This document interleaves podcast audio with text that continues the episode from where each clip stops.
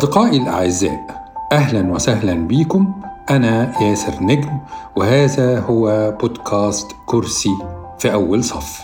والنهاردة حجز لكم كرسي في أول صف علشان نحكي قصة فلسطين.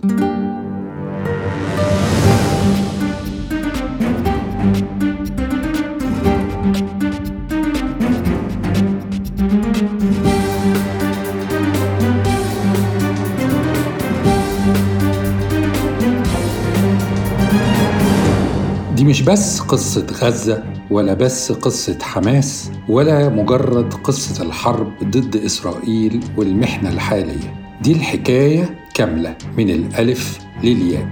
هاخدكم معايا في رحلة عمرها 180 سنة لأصل الصراع. رحلة من الحقائق مش دعاية وبروباجندا هنتكلم في الأدلة الموثقة مش مواضيع إنشائية وعواطف جياشة. هنعيش مع بعض قصة حرة بعيدة عن تأثيرات وسيطرة وسائل الإعلام الموجهة اللي بتلفق الأكاذيب وتزيف الواقع.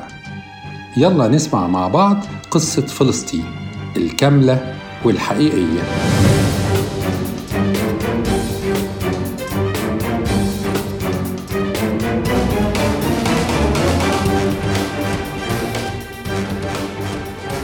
هنحكي قصتنا على مدار أربع حلقات بإذن الله.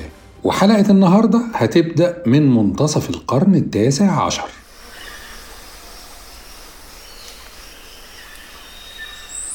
في فلسطين القرن التاسع عشر كان أهل البلاد خليط متجانس منسجم من أديان مختلفة الإسلام والمسيحية واليهودية.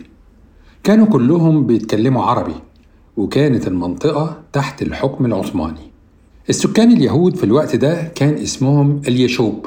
معظمهم كانوا في الأصل لاجئين هربانين من الاضطهاد الأوروبي على مدى القرون السابقة وهو الاضطهاد اللي بدأ بمحاكم التفتيش في أسبانيا واللي حمتهم منه الدولة العثمانية ورحبت بيهم في العالم الإسلامي.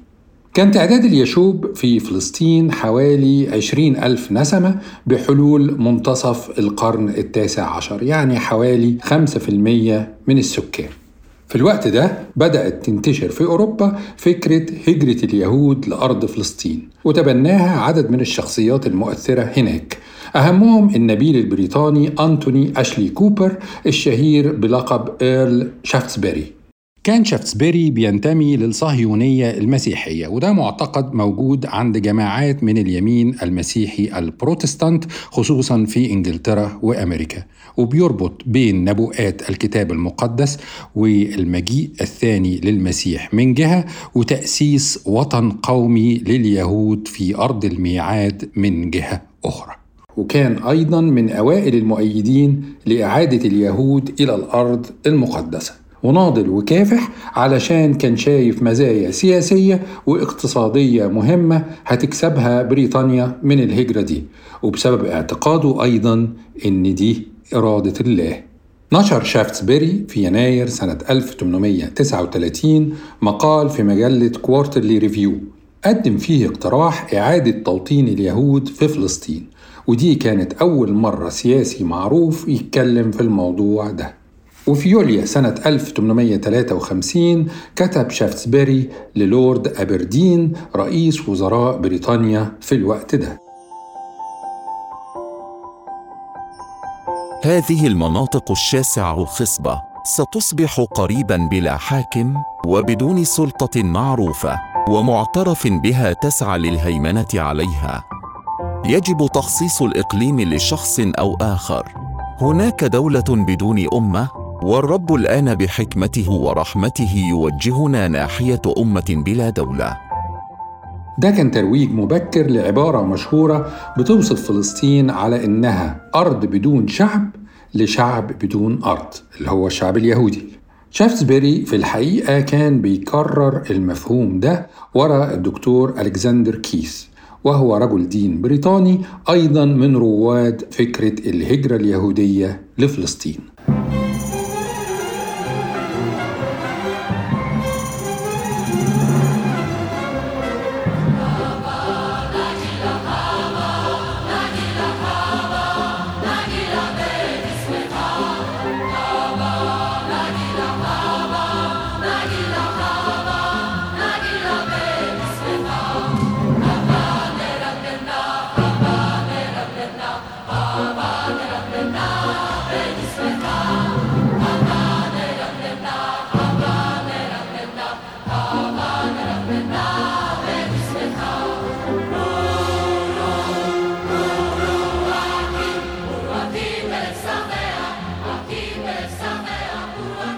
بدأت موجات الهجرة اليهودية لفلسطين مع نهايات القرن التاسع عشر وكان المهاجرون في تلك المرحلة كلهم من فقراء روسيا وأوروبا الشرقية.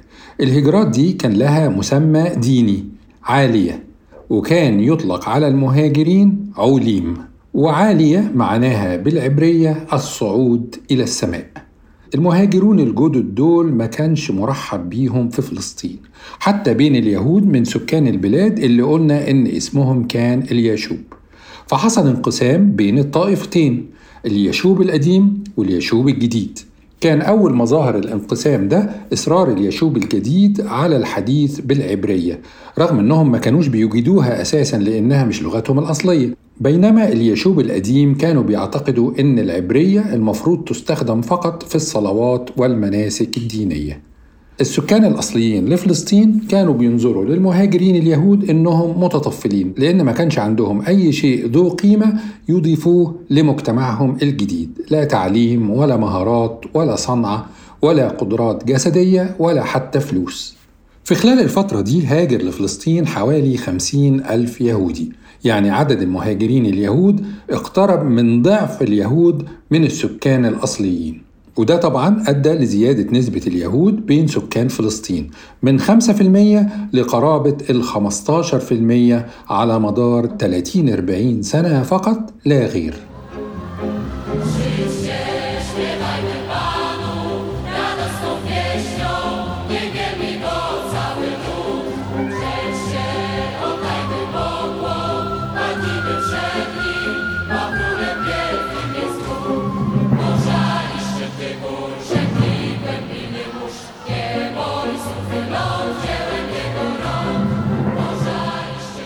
مع تزايد حوادث الاضطهاد الأوروبي لليهود في النصف الثاني من القرن التاسع عشر تصاعدت بجدية أكثر المطالبات بوطن قومي لليهود. وكان رأس حربة المطالبات دي الحركة اللي عرفت فيما بعد باسم الصهيونية نسبة لجبل صهيون في القدس.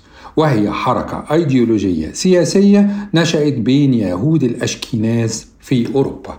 ورغم إن موجات هجرات اليهود لفلسطين كانت بدأت بالفعل من قبل نشأة الصهيونية إلا إن الصهيونية لحد وفاة مؤسسها تيودور هرتزل ما كانتش لسه استقرت على اختيار فلسطين كأرض للوطن القومي. وفضلت الحركة الصهيونية حتى بعد مؤتمرها الأول في بازل بسويسرا سنة 1897 متحيرة ما بين مواقع للدولة اليهودية في الأرجنتين وروسيا وأستراليا وأوغندا. لدرجة إنهم كانوا على وشك بالفعل الاستقرار على اختيار أوغندا ووفد منهم راح بالفعل يتفقد أوغندا لكن أعضاء الحركة الصهيونية اللي راحوا خافوا لما وجدوا المكان محاط بقبائل محلية شديدة الشراسة وغابات مليانة حيوانات متوحشة. وعلى فكرة ما كانش فيه اتفاق بين اليهود في العالم كله على فكرة الوطن القومي.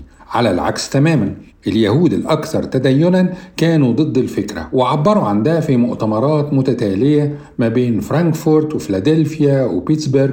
ومن العجيب إن أغلب قادة الحركة الصهيونية كانوا إما ملحدين أو أقل تدينا إلا إنهم كانوا الأكثر تمسكا بالمرجعية الدينية للحركة كباعث على العودة لأرض الميعاد.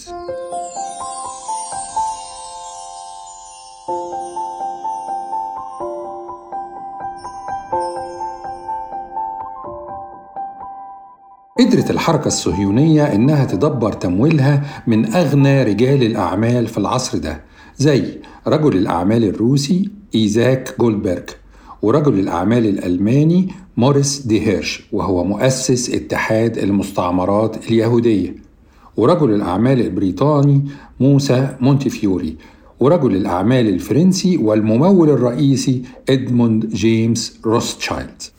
بعد ما استقرت الحركة الصهيونية في فلسطين أدركت إنها محتاجة للقوة المسلحة علشان تفرض أمر واقع يهودي جديد على الأرض. فبدأت تستغل التمويل المتاح لها في تشكيل عصابات مسلحة. كان أولها عصابة البرجيورا اللي استمرت فقط ما بين عامي 1907 و 1909 ثم عصابة الهاشومير ودي استمرت لغاية سنة 1920 كذلك تم استخدام التمويل في تهجير 40 ألف من يهود روسيا إلى فلسطين خلال الفترة من 1906 ل 1914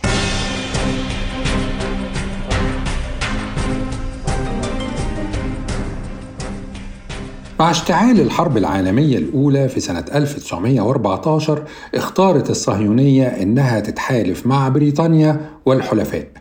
الدولة العثمانية اللي كانت في المعسكر الخصب بقت بشكل أو بآخر عقبة في طريق حلم الوطن القومي لليهود. وكان واضح إن الدولة دي بتحتضر على أي حال.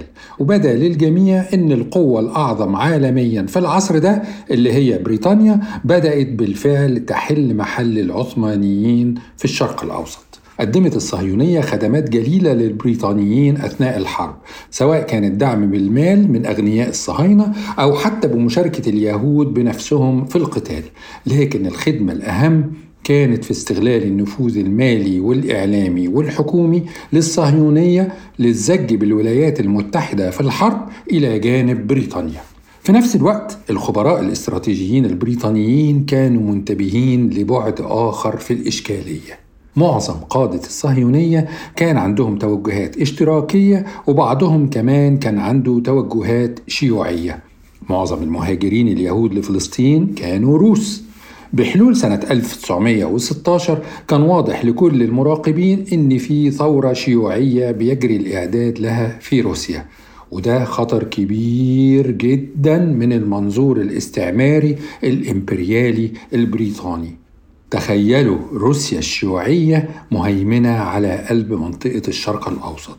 ففي سنة 1916 آرثر بلفور اللي كان ساعتها أميرال البحرية البريطانية كتب لرئيس المجلس الصهيوني العام حييم فايتسمان وقال له أحب أن أعرفكم دكتور فايتسمان أن انتصار الحلفاء في الحرب سيمنحكم القدس التي تريدونها فايتسمان ده كان روسي وفيما بعد أصبح أول رئيس لدولة إسرائيل. وروسيا اللي بقى اسمها بعد كده الاتحاد السوفيتي كانت تاني دولة تعترف بإسرائيل بعد الولايات المتحدة مباشرةً.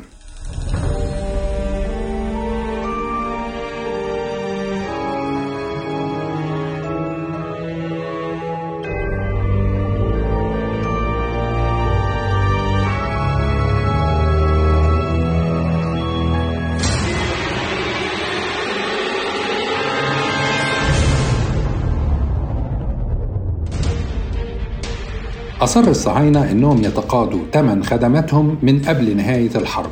فبعت بلفور اللي بقى بعد كده وزير خارجية بريطانيا يوم 2 نوفمبر سنة 1917 رسالة إلى عميد صهاينة بريطانيا وقتها وولتر روثشايلد بيوعده فيها بالنيابة عن حكومة بريطانيا بالسعي لتأسيس وطن قومي لليهود في فلسطين وهو الوعد اللي اشتهر عنه الوصف الصادق من لا يملك أعطى لمن لا يستحق عزيزي اللورد روثشايلد يسرني أن أبلغكم بالنيابة عن حكومة جلالته بالتصريح التالي.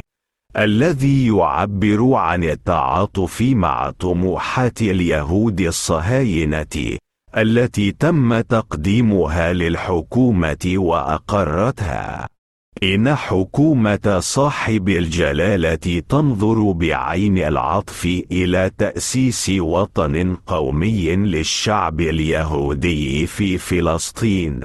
وستبذل قصارى جهدها لتحقيق هذه الغاية على ألا يجري أي شيء قد يؤدي إلى الانتقاص من الحقوق المدنية والدينية للجماعات الأخرى المقيمة في فلسطين أو من الحقوق التي يتمتع بها اليهود في البلدان الأخرى. أو يؤثر على وضعهم السياسي. أرجو منك أن تحيط الاتحاد الصهيوني علما بهذا البيان. المخلص آرثر بلفور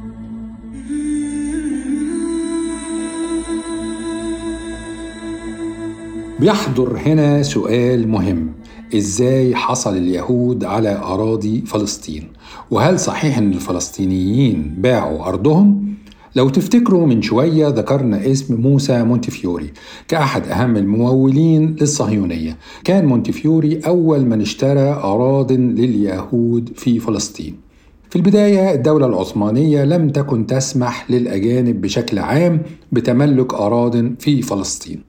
لكن مونتفيوري تمكن عن طريق اتصالاته بالحكومة البريطانية من الضغط على الدولة العثمانية عشان تسمح له بشراء قطعة أرض صغيرة يبني عليها ملجأ لفقراء اليهود.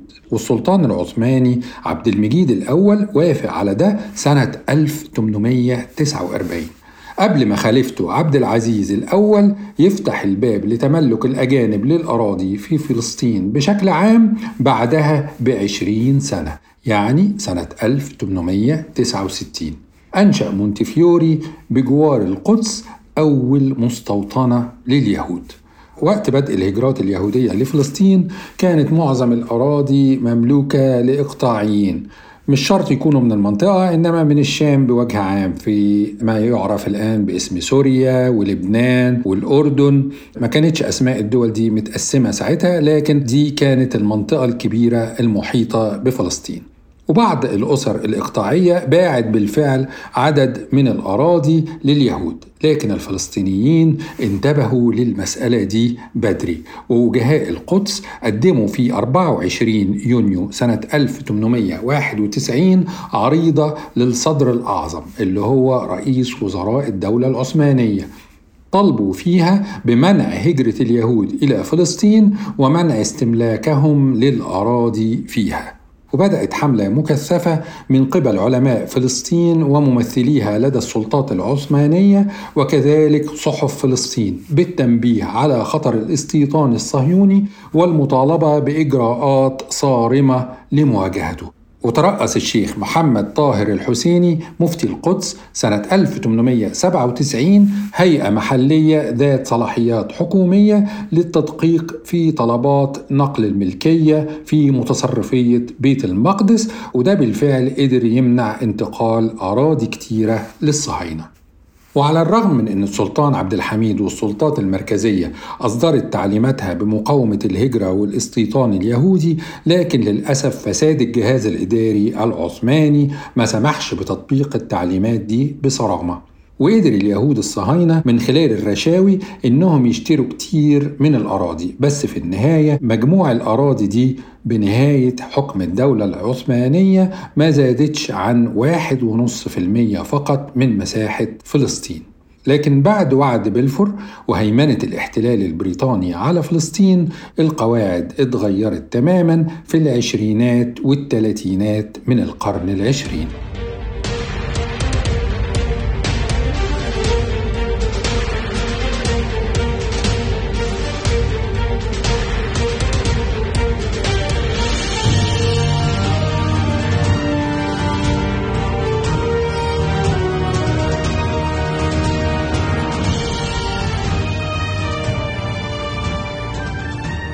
من بعد وعد بلفور وفرض الانتداب البريطاني على فلسطين حصلت تسهيلات ضخمة جدا لشراء الصهاينة للأراضي.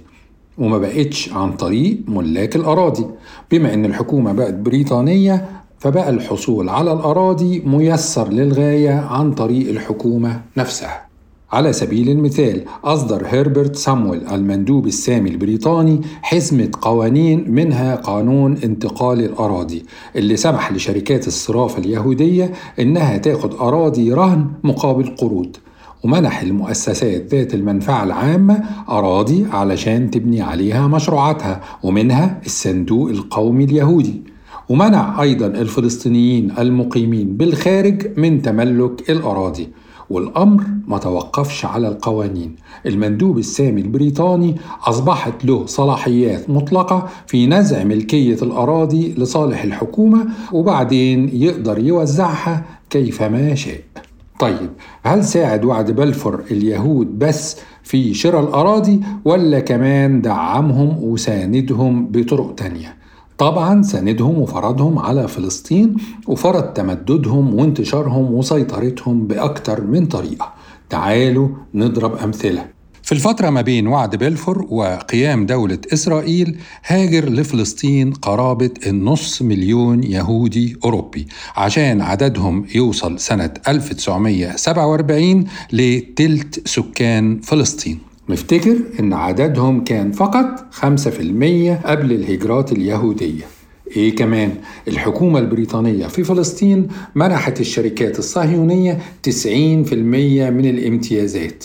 وكانت أهم تلك الشركات شركة كهرباء روتنبرج في يافا اللي احتكرت توزيع الكهرباء في الأراضي الفلسطينية لصاحبها بنحاس روتنبرج. وهو مهندس ورجل أعمال روسي صهيوني وكان من بين مؤسسي الفيلق اليهودي والمؤتمر اليهودي الأمريكي. ساعد روتنبرج برضه في إنشاء قوات الهاجاناه اللي فيما بعد أصبحت نواة لجيش الدفاع الإسرائيلي. بالإضافة لكل ده روتنبرج أسس أول شركة طيران في فلسطين بالتعاون مع الوكالة اليهودية. وعلى فكرة شركة كهرباء روتنبرج هي هي نفسها شركة كهرباء إسرائيل اللي موجودة ومحتكرة. توزيع الكهرباء في الأراضي المحتلة كلها حتى يومنا هذا. إيه تاني؟ كان في المصانع.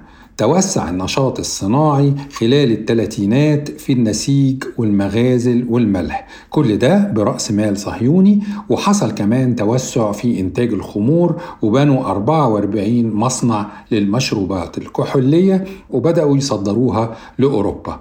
ازدهرت برضو صناعة البناء وكل الأنشطة المتصلة بيها زي الطوب والبلاط والأسمنت بالإضافة للصناعات الخشبية المتعلقة بيها زي صناعة الشبابيك والأبواب والأثاثات. القوى الصهيونية احتكرت الصناعات دي مش بس في رأس المال لكن كمان من حيث العمالة. كان العمال اليهود حوالي 88% والعمال العرب نسبتهم كانت 12% فقط مع إن اليهود وقتها كان عددهم ربع سكان فلسطين فقط. معظم المصانع دي اتبنت في حيفا ويافا وتل الربيع اللي بقى اسمها بعد كده تل أبيب.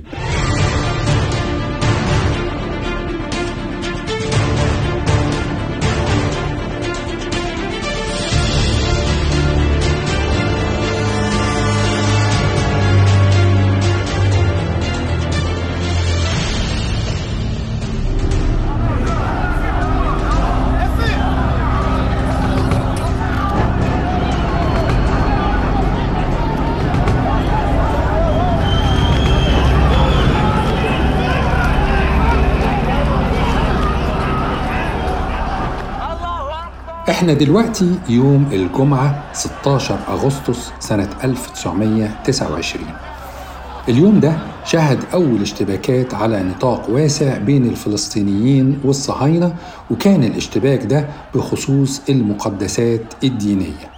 إيه اللي حصل بالظبط؟ حائط البراق هو الجدار الغربي لحرم المسجد الأقصى. عند المسلمين هو المكان اللي ربط فيه الرسول عليه الصلاة والسلام البراق في ليلة الإسراء والمعراج. وعند اليهود هو الأثر الأخير اللي متبقي من هيكل سليمان. ومسميينه حائط المبكى لأنهم بيروحوا يبكوا عنده ويمارسوا طقوس حزينة على ضياع الهيكل.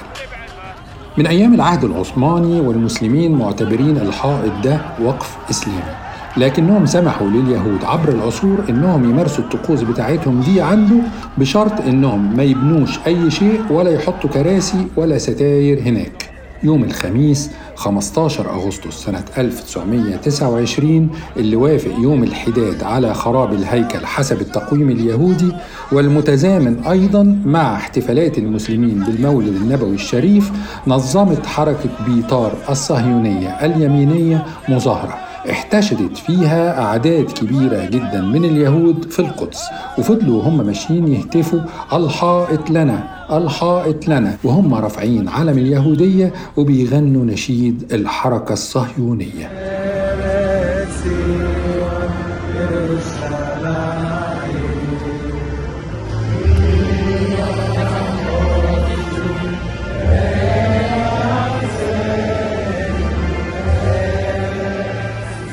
الشرطة البريطانية كانت تعلم مسبقا بالمظاهرة دي وأرسلت قوات كبيرة لمرافقة المتظاهرين اليهود.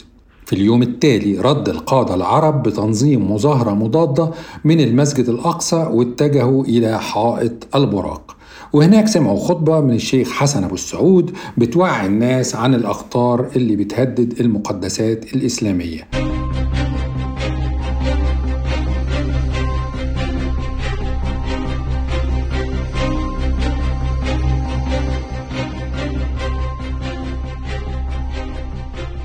زاد التوتر جدا في القدس حيث اندلعت اشتباكات عنيفة بين الفلسطينيين واليهود. في الأيام التالية انتشرت الاشتباكات ووصلت إلى مدن أخرى وحصلت عدة حوادث قتل متبادلة بين الجانبين وحرق للممتلكات. واضطرت سلطات الانتداب البريطاني إنها تطلب المساعدة من القوات البريطانية في مصر علشان تقدر تسيطر على العنف. كانت حصيلة الاشتباكات اللي امتدت من الخليل وبئر سبع في الجنوب لحد صفد في الشمال كالتالي. القتلى 116 فلسطيني و133 يهودي. الجرحى 232 فلسطيني و339 يهودي. اعتقلت سلطات الانتداب 900 فلسطيني وأصدرت أحكام بالإعدام شنقا على 27 منهم. لكنها فيما بعد خففت الأحكام على 24 وأعدمت ثلاثة فقط.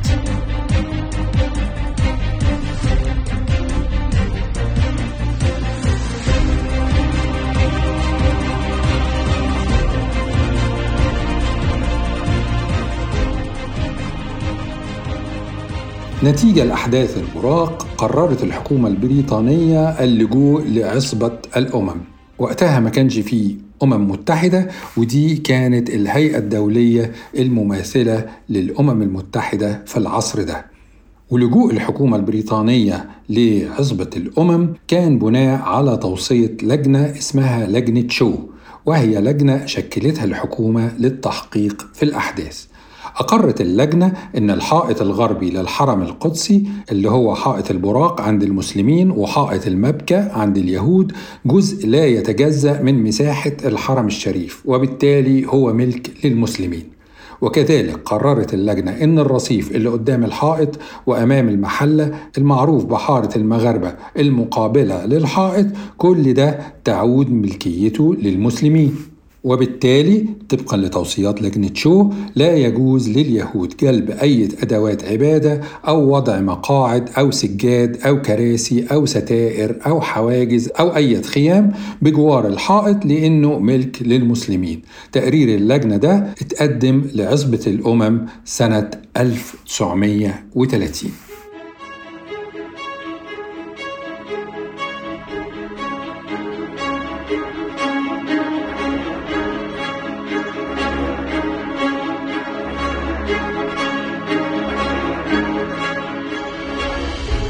وهكذا أصدقائي المستمعين بعد 13 سنة من وعد بلفور أدركت بريطانيا أخيرا بعد فوات الأوان المخاطر التي تهدد هذا الجزء من العالم نتيجة انحيازها المطلق للصهيونية وتمكينها بدون ضابط ولا رابط من فلسطين.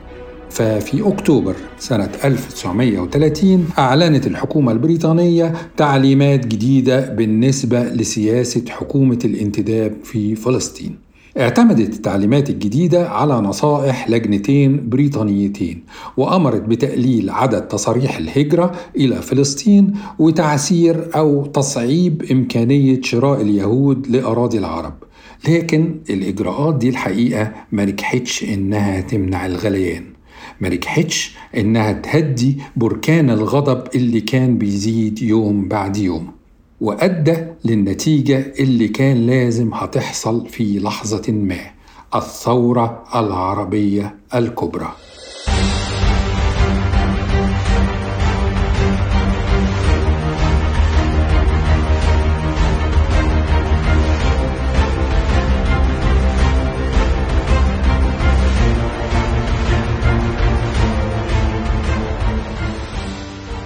الثورة العربية الكبرى كانت أعظم ثورة حصلت على أرض فلسطين وواحدة من أمجد الثورات في تاريخ العالم كله لكن هل نجحت وإزاي البريطانيين واليهود واجهوها؟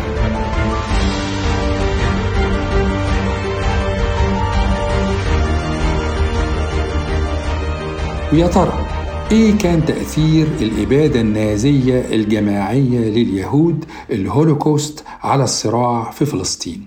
إيه هي الجرائم المروعة اللي ارتكبتها العصابات الصهيونية في الأربعينات؟ إزاي تمت مؤامرة تقسيم فلسطين بمشاركة أمريكا؟ انتظرونا في الحلقة الثانية إن شاء الله من قصة فلسطين على كرسي في أول صف.